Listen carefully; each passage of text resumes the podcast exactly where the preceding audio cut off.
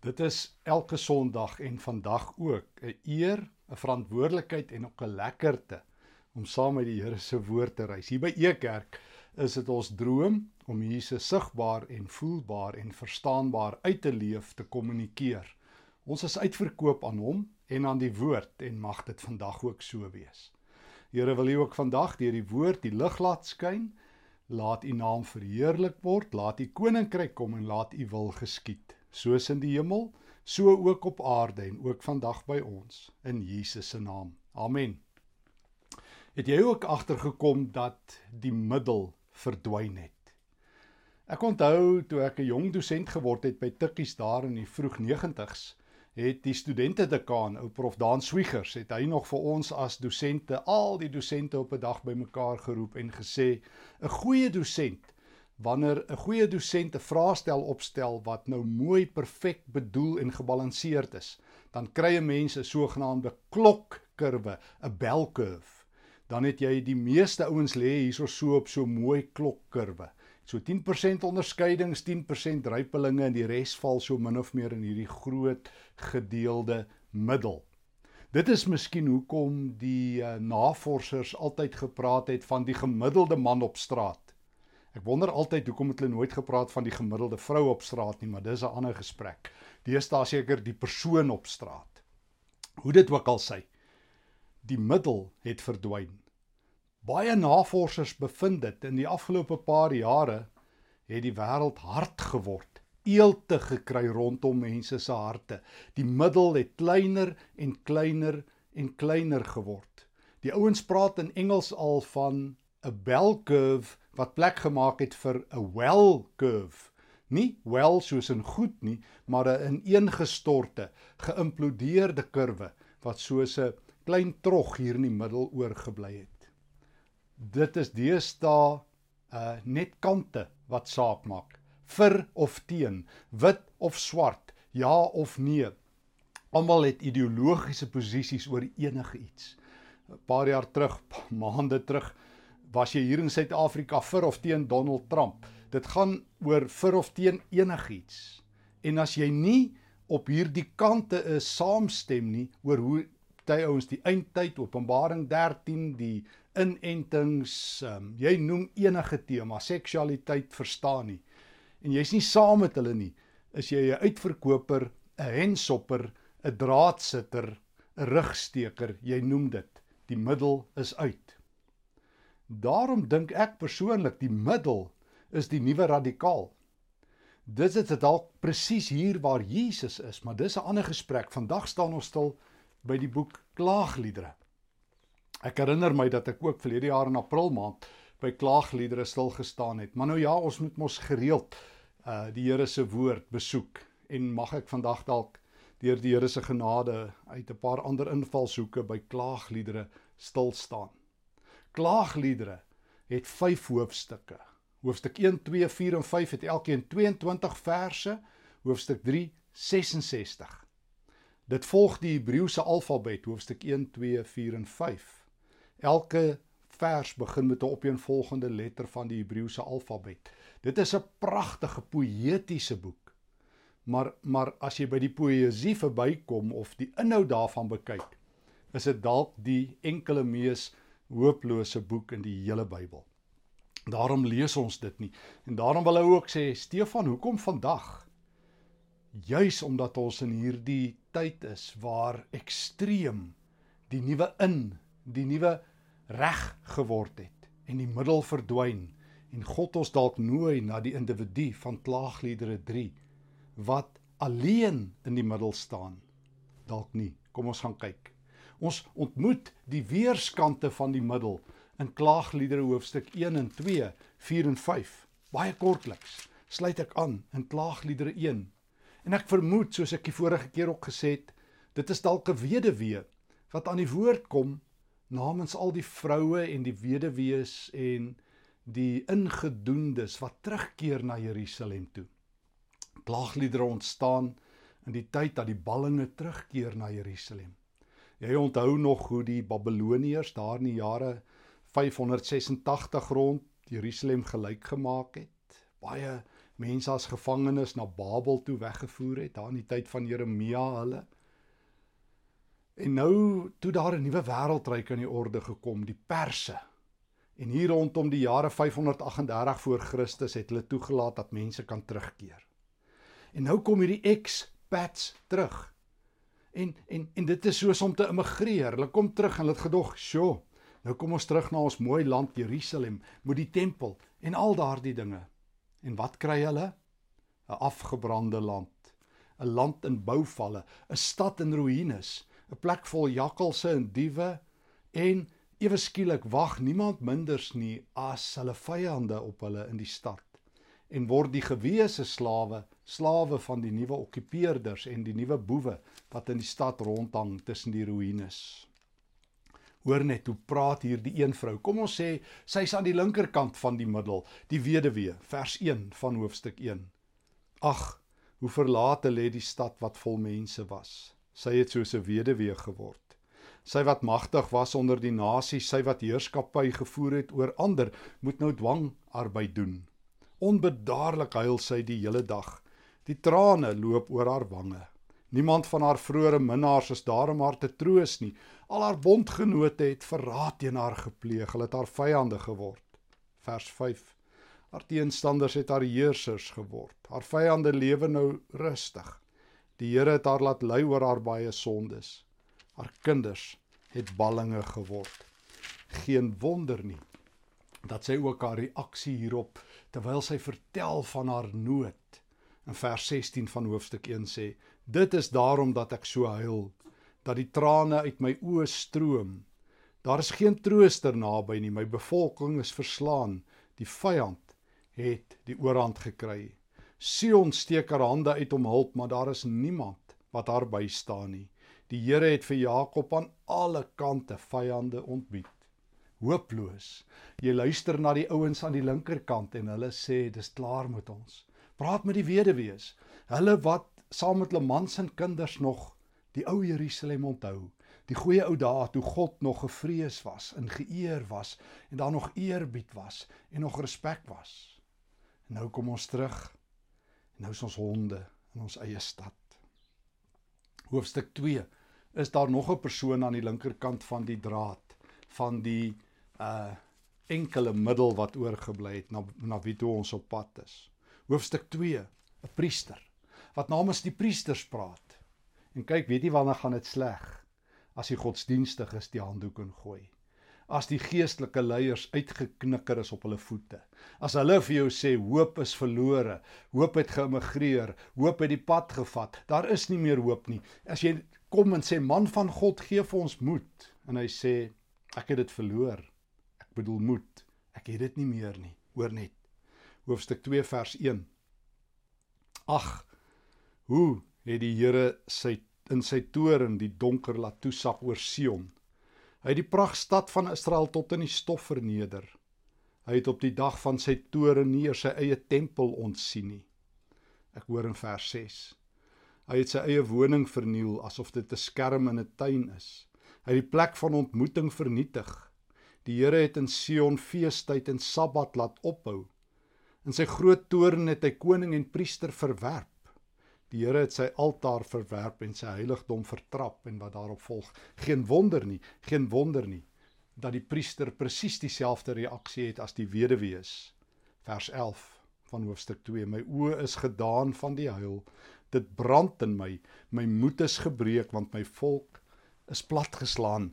Kindertjies en babietjies sak in mekaar in die strate van die stad priester huil, die weduwee huil, dis al wat hulle kan doen. As jy by hulle aanklop om hulp sê hulle ek kan jou nie help nie. Ek kan net huil. My skouers is te smal om nog een enkele stukkie nood op te laai. Daar's nie meer plek nie. Plek verbode vir jou nood op my skouers. Dis hoe dit in Jerusalem gaan. Dis klaar. 'n Wedstrydpunt vir hooploosheid. Ons het verloor. En dan kyk die man in die middel van Prediker 3 na wie toe ons terugkom na sy regterkant. Aan sy linkerkant die weduwees wat huil en die priesters wat hoop opgegee het. Dis klaar met ons. Die land brand. Hoop het geloop. Hoofstuk 4 Sakemanne. Die ouens wat daarom altyd sê soos toe ek nog in my kinderdae of selfs nou nog as ek altyd hoor, hulle sê altyd iets soos in die 3de kwartaal sal daar 'n oplewing wees in die ekonomie. Die ouens wat die ekonomie ken, die manne wat besigheid moet genereer sodat daar inkomste in die land kan wees. Ag, hoofstuk 4 vers 1, hoe dof het die goud geword. Hoe het die goeie goud sy glans verloor? Gewyde edelstene lê weggegooi op al die hoeke van die strate. Um so Sion se kosbare inwoners vroeër so waardevol so suiwer goud is nou erdepotte. Vers 7 van hoofstuk 4. Die leiers van Sion het meer glans gehad as sneeu, hulle was witter as melk, blakend gesond van kleur, mooi van voorkoms, maar nou is hulle soos roet, donker. Hulle word nie eens meer op die strate herken nie. Hulle is vel en been, uitgedroog. Hulle kom aan die honger om, die sakemanne. Jy kyk na ons hier aan die aan die linkerkant van jou en jy dink ons moet jou help. Ons is bankrot. Sakemanne bedel. Bankrot, bankrot, uitgeboer. Daar's niks oor nie. Ehm um, Jerusalem, jy moet maar gaan lees, die stad moet sy glans. Is 'n bankrotplek. En daarom wat doen die wat doen die sakemanne? 4 vers 17. Ons kyk ons oë moeg om hulp wat nie opdaag nie. Van 'n wagpos kyk ons met verwagting. Daar is geen hulp nie. Niemand gaan ons kom help nie. Ons klop aan elke saak deur, niemand wil met ons besigheid doen nie. So, die weduwee huil, die priesters huil, die sakemanne soek hulp en daar is niks. En dan hoofstuk 5, die gemeenskapleier.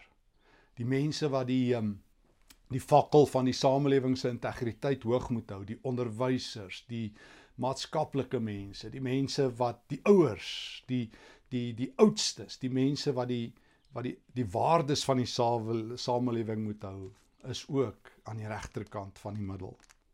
Hoor net wat sê hulle 5 vers 1 slaag slaan tog ag op wat ons oorgekom het Here.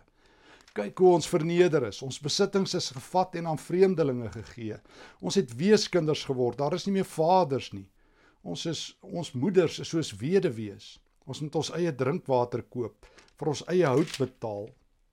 En daarom vers 17, dit is die rede vir ons droefheid, vir die swart kringe om ons oë. Hoop is weg. Dit is 'n hooplose boek kyk jy na die linkerkant na die weduwees, dan huil hulle.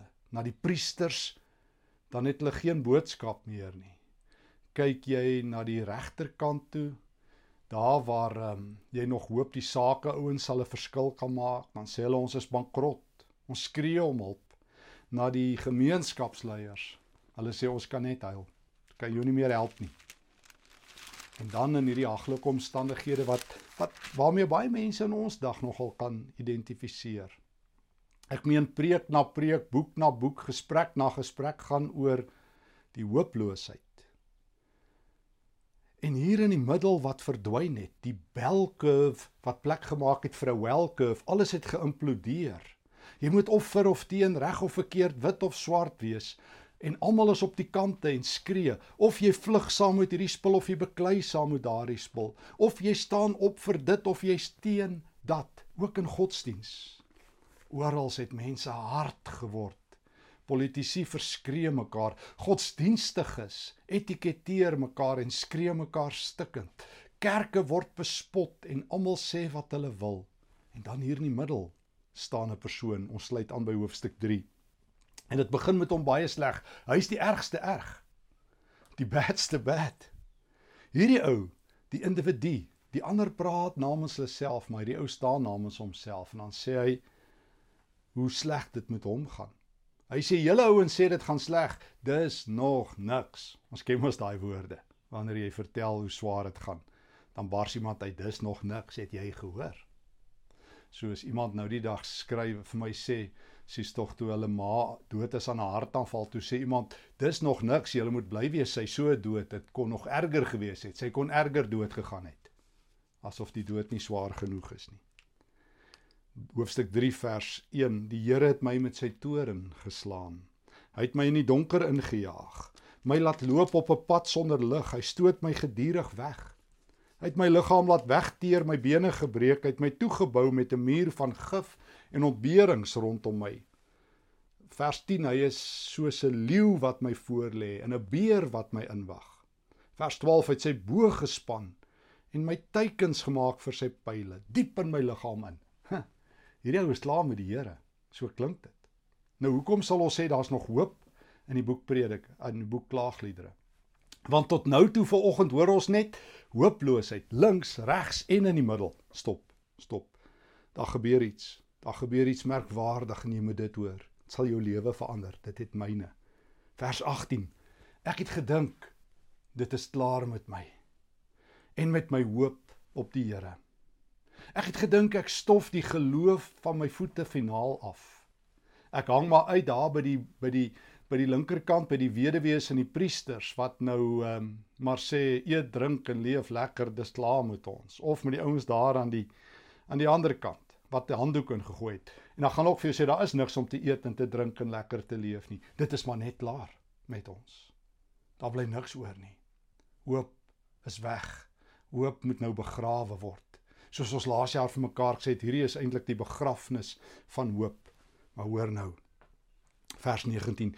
Die middel is die plek waar wysheid is. Die gedagte aan my ellende en my vreemdelingskap is gal en gif vir my. Weet jy wanneer gaan dit sleg? Wanneer jy gif drink en gal bitter is. Hierdie man ly aan twee probleme. Hy het gal en hy's gal bitter en hy is vol gif. Gal bitterheid en gif loop nie saam nie. Dis wat gebeur wanneer jy luister na die weduwees en die priesters links van jou en die sakelei en die gemeenskapsleiers reg van jou. Dis wat gebeur as jy jou ore uitleen deesdae aan elke plasing op Facebook. Dis wat gebeur as jy elke brokkie nuus inneem wat op die televisie is sonder om krities te kyk. Soos ek altyd sê, daar's geen vers in die Bybel wat sê jy sal vanaand 7 uur nuus kyk nie. Jy kan kyk. Jy kan koerante lees, jy moet. Ek skryf elke dag ook 'n stukkie in die koerant. Maar dis dit sê jy moet jy moet jou siel uitverkoop aan elke stuk slegte nuus soos meeste mense maak nie. En dis wat gebeur wanneer hoop loop wanneer jou gedagtes en jou verbeelding meer gesteel word deur wat in die wêreld rondom jou gebeur as deur God. Wanneer God jou gedagtes het, verander iets. En hier die een ou in die middel, jy moet mooi hoor, verstaan dit. En daarom kom hy na God toe. Hy sê: "Here, hierdie galbitterheid en hierdie gif wat ek elke dag drink, ek kan nie meer nie. Dit steel my hoop. Here, want Ek is seker hoop het nie geloop nie. En as ek daaroor nadink, draai my gedagtes vas, vers 20, hoofstuk 3 vers 20. Letterlik in Hebreëus, dan sink my siel. Dan sink my siel. Ek wil nie 'n sinkende siel hê nie. Ek wil nie gal bitter wees nie. Ek wil nie gif drink. Ek wil nie 'n sinkende siel hê nie. Ek sê dit weer. En dan kyk hy rond en dan uit die bloute ontdek hy die Here. Laas jaar het ons vir mekaar gesê toe ons by klaagliedere stil gestaan het. Dit is die begrafnis van hoop. En as hierdie man so rondkyk, dan sê hy mense, stop, stop, stop. Die Here het opgedaag. Hy is by die begrafnis van hoop. Julle weduwees, priesters, sakelei, gemeenskapsleiers en ek as individu, ons het opgegee op God. En toe daag God op. God is daar. Hy's daar waar hoop geloop het. God is by groenwyvelde, dan herken mense hom maar hy's in die diepste van die diepste donker put ook. Putte is nie uithangplekke nie, dit is plekke om uitgered te word. Vra vir Dawid, waar is dit? Psalm 84. Hy roep uit 'n die diep donker put om hulp. Slegte plekke en slegte plekke vir jou siel is nie uithangplekke nie. In klaagliedere klink dit asof die ouens spog, wie kry die swaarste? Jou lot is nog niks nie, hoor myne en so word dit aangegee een na die ander.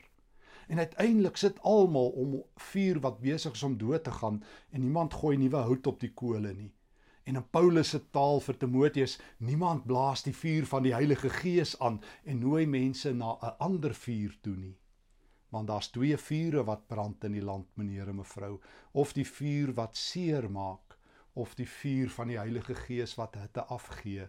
En nou nooi die Here vir die vir die vir die skrywer van Klaagliedere 3 na sy vuur toe, 'n veilige, warm vuur. En nou leer hy twee dinge oor die Here. Hy sê vers 21: Dit sal ek na my verstand toe bring. Letterlik staan dit so daar in Hebreëus. Julle almal sien net julle omstandighede. Ek weier om te sink wat hoop betref. Ek bring iets nuut na my kop toe. En om die rede sal ek bly hoop. Dan sê hy twee dinge oor die Here, vers 2:23. Kom ek lees dit. Deur die liefde van die Here, letterlik in Hebreëus gesed, die ontferming van die Here, het ons nie vergaan nie. Daar is geen einde aan sy ontferming nie.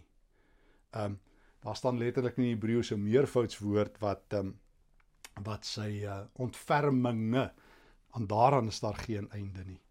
Dit is elke môre nuut. U trou is groot. Hy ontdek twee dinge oor die Here. Hy sê die Here het opgedaag met genade en ontferminge. Skus tog. Die Here het met genade en ontferminge opgedaag. En as jy die kwaliteit hiervan, die duursaamheid van die Here se ontferming wil sien, dit hou nooit op nie en dis elke oggend vars. Wanneer jy saam met die weduwees aan die linkerkant sit en die priesters en aan die regterkant jou ore uitleen na die sakelei en na die gemeenskapsleiers, is hulle taal, hulle hoop oud. Dit is smaakloos, dis miwerig. Dit is galbitter, dit is gif. En ewe skielik as jy by die Here kom, dan is hy die Here van ontferming. Hy is die Here van getrouheid. Hy's die Here, die Here van gesed, sy verbondstrou, sy verbondsontferming. Dit is die Here wat sê ek sien jou al sien jy my nie. Ek hoor jou al voel dit vir jou jy skree teen 'n dak vas. Ek kyk jou raak al kyk jy my mis. Ek sien jou in genade aan al kyk jy met 'n veroordelende oog terug. Ek kyk jou nader aan my al dink jy ek is al hoe verder. My trou is elke oggend vars. Jy moet elke oggend soos wat ons in Eksodus 16 sien, afbuk en jou porsie hemelse manna optel, soos wat God in die woestyn dag vir dag vir sy hongervolk gesorg het. Is God se trou ook in Jerusalem, in 'n afgebrande stad, elke oggend nuut. Ook in Suid-Afrika in 2021 elke dag nuut. Ook in Australië, Nieu-Seeland, uh in die Midde-Ooste, in die Verre Ooste, in Kanada, in die VSA, waar jy ook al vandag kyk in Engeland, elke dag nuut.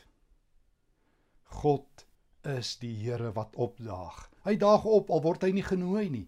Hy is aanwesig al is hy nie op die gastelys nie. Hy is daar al wil niemand hom raak sien nie, want wanneer jy so besig is om vas te draai in jou bitterheid, skoon die vliegtyg en in jou hooploosheid en in die uitleen van jou ore aan al die slegte nuusverspreiders kan jy God nie raak sien nie. Dan sink jou siel, dan raak jy galbitter en dan drink jy gif. Maar nou wanneer jy God sien, sien jy God reg raak, die God van ontferming, die God van genade wat se genade nooit ophou nie. Kos het opgehou, hoop het opgehou, God het nie opgehou nie. Hy het opgedag. Vers 24 en dan doen hierdie persoon in die middel iets merkwaardig en ek hoop jy en ek gaan daardie persoon in die middel wees. Ek sê vir myself. Nou begin hy met selfpraat, selfspraak. En die sielkundiges en die terapeute sê ons self-talk, ons selfspraak is lewensbelangrik. Wat ek hier binne met myself elke dag deurpraat, deurwerk bepaal hoe gesond is ek. Ehm um, ek kan nie keer dat sekere dinge in die lewe gebeur nie en dat slegte dinge gebeur nie. Maar my reaksies, my proaksies, hoe ek proaktief tot die lewe leef, leef ek reaktief of leef ek proaktief met die wete God is die Here. Ek het vandag weer sy trou ontmoet en in sy goeie guns vasgeloop. En omdat hy dit ontdek het, is sy selfspraak, want dit staan letterlik in die Hebreëus, die Here is my porsie. Of soos die vertaling dit vertaal, die Here is my lewe. Die Here is genoeg vir vandag. Hy het opgedaag met vandag se porsie hoop, vandag se porsie krag, vandag se porsie lewe. Ek sê altyd, ek moet net deur vandag kom. Ons bekommer hoe gaan ons oor 6 maande dit maak en wat lê voor vir die wêreld, die post-COVID wêreld en wanneer gaan dinge weer na normaal toe terugkeer ensovoorts ensovoorts. Al wat nodig is, is vandag. En daarom Daarom hierdie Here wat met sy trou en sy ontferming opgedaag het, vers 2:23, ek kan hom nou persoonlik in my lewe innooi. Ek kan nou sê u is my porsie. Ek kan nou na die linkerkant kyk en na die regterkant en vir die gemeenskapsleiers en um, vir die sakelei en vir die priesters en vir die huisvroue, die weduwee sê, God is my porsie. Ek is toe nie alleen nie. Dit lyk vir my julle is alleen. Kan ek julle nooi hier na my vuur toe? Hier wat dit hitte afgee. Julle brand julle stikkend. Julle word gal bitter. Kom sit hier by my. Hier is hitte. Die Here is my porsie. Daarom hoop ek op hom. Hoop het nie geloop nie. Ek hoop op die Here. Ek hoop nie op beter dae, op veranderde omstandighede nie, want die res van hierdie hoofstuk wat hy skryf, wys dat dit nog steeds gaan swaar gaan. Maar ek hoop op die Here. Hy is my hoop. Hy is my sekerheid. Hy is my vastigheid. Al val die berge, al stort alles in duie, die Here is my hoop. Vers 25 Trouens, die Here is goed vir die wat op hom bly hoop, vir die mens wat na sy wil vra. Die Here se trou is nie net hier elke dag nie. Hy gaan hom ontferm, stukkie vir stukkie gaan hy vir my sorg. Bietjie vir bietjie gaan hy vir my gee soos die weduwee daar in Elisa se tyd, die oomblik as die hongertye oorval en jy kan nie meer nie, daar God op met brood deur Elia, Elisa. Wanneer die skare in Matteus 9 vers 36 so skape ronddobber, daag Jesus op met 'n porsie lewe. Wanneer die mense honger is wat na Jesus luister, daag hy op en gee brood. Wanneer die weduwee huil, oor haar kind wat dood is, daag Jesus op in Lukas 7 en gee vir haar lewe. Wanneer die blindes van Jerigo in Matteus 18 totaal en al uit op hulle voete is, loop hulle in Jesus vas en hulle sien en hulle volg hom. Wanneer die man aan die kruis in Lukas 23 godloos op die punt is om te sterwe, kom staan Jesus in die pad en sê vandag sal jy saam met my in die paradys wees. Weet jy dit nie? Ken jy nie hierdie Here van hoop wat hooploosheid verdryf nie. En daarom vers 26 en verder, dit is goed om op die Here te wag. Vat die moeilikheid, so beskryf hy. Wees geduldig as jy swaar kry. En draai die ander wang vers 30. Maar dit is dit is vir 'n ander dag wanneer ons daarby stil staan. Maar vir vandag dink jy jy's alleen in die middel? Toe nie. Die Here is in die middel. Weet jy waar is dit nou deesdae? Onveilig waar die groter meerderheid is. Want die meerderheid is die mense sonder hoop. Hulle harte het verhard, hulle ly aan sklerokardie, harde hartsiekte. En nou kom nooi die Here ons na sy middel toe. Hier waar klaagliedere 3 vers 18 se man staan. Wat self verbitterd was en verstok was en hy kon verander, jy ook, ek ook. So soos iemand vir my eendag gesê het, dis nou 'n bietjie laat vir my om te verander. Ek het my hele lewe gewerk aan al my nikke en geite. Dis nou bietjie moeilik om te verander. Toe nie, toe nie. Wanneer jy die Here raak sien, hou jou hoop op om te sink, dan kry jy hoop. Dan groei jou hoop. Dan word die Here jou porsie. Wanneer jy die Here raak sien, word jou gal bitterheid en die gif wat jy drink vervang met die Here se genade en sy goedheid wat elke dag nuut is. Nou toe. Jy sê jy's alleen. Jy sê jy's al een. Jy is nie. Jy sê dis moeilik in die middel. Dit is nie so nie. Jy moet juist die ouens weerskante van die brandende vure bring na jou veilige vuur toe, na die vuur van die Heilige Gees. Blaas die Heilige Gees in jou lewe aan. Haal af al die as in die roet van jou lewe. Jy het hoop jy leef, al leef jy in 'n afgebrande Jerusalem of in 'n voorspoedige land, waar jy ook al is. Die Here se trou is elke oggend nuut. Die Here is elke dag jou porsie. Leef in hom. Amen. Dankie Here dat U my hoop en my lewe is. Dankie dat ek in die middel by U kan lewe. Dankie vir die vuur van die Heilige Gees. Here blaas dood al die ander vure wat mense so seer maak en hulle hoop steel en laat die vuur van die Heilige Gees brand soos nog nooit tevore nie. In Jesus se naam bid ek dit. Amen. Dankie dat jy saam met e kerk reis.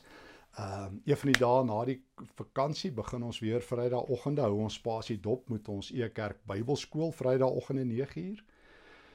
Uh Ekerk se span het vir my baie ernstig gevra, "Ekskuus, ek het fout gemaak." Dat ek gesê het gebruik laai die Ekerk se toep of af app af. Hy's nog nie 100% klaar ontwikkel nie. Hy's amper klaar, maar daar's nog so 'n paar tegniese knikke wat die slim ouens Marcel en Peerle moet uitsorteer. So hou nog so 'n bietjie vas en as jy hom afgelaai het, wees net geduldig met ons. Ek het my mond verby gepraat. Hy kom.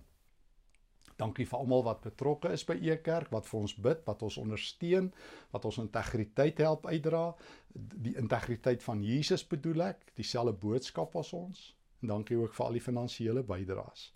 Jy sal 'n skakel sien as jy graag ook finansiëel wil betrokke raak by Ekerk net hierna. Vrede vir jou. Onthou, God is in die middel by jou.